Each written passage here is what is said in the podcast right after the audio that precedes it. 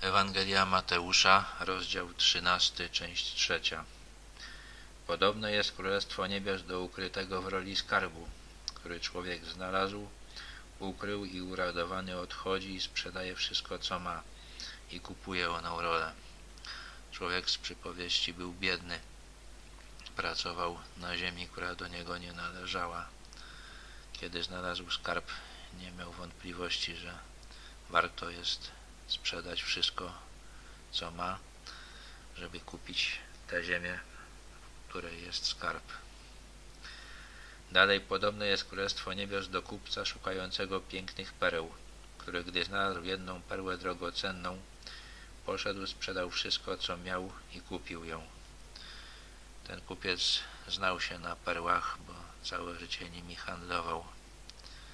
Jeśli sprzedał wszystko, co miał, żeby kupić tą jedną, jedyną perłę, to znaczy, że była ona tego warta. Dalej podobne jest Królestwo Niebios do sieci zapuszczonej w morze i zagarniającej ryby wszelkiego rodzaju, którą, gdy była pełna, wyciągnęli na brzeg, a usiadłszy, dobre wybrali do naczyń, a złe wyrzucili.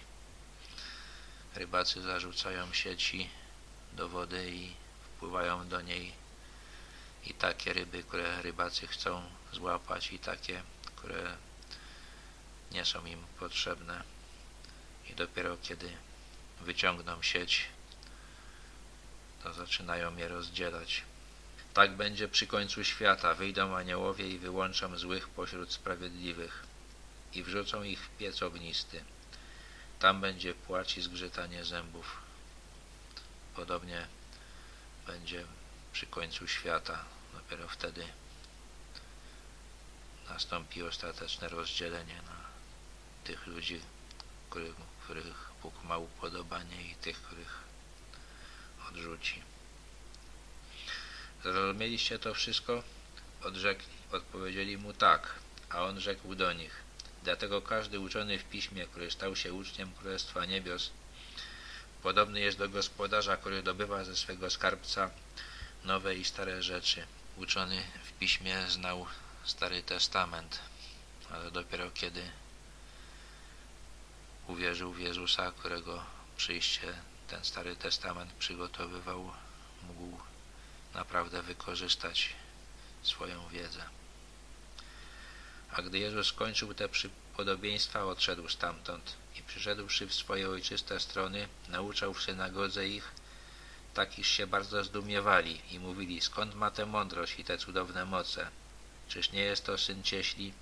Czyż matce jego nie jest na imię Maria, a braciom jego Jakub, Józef, Szymon i Juda, a siostry jego?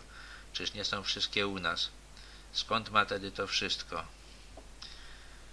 Rodacy Jezusa nie mogli zaprzeczyć, że jest mądry i dokonuje niezwykłych cudów, ale zazdrościli mu.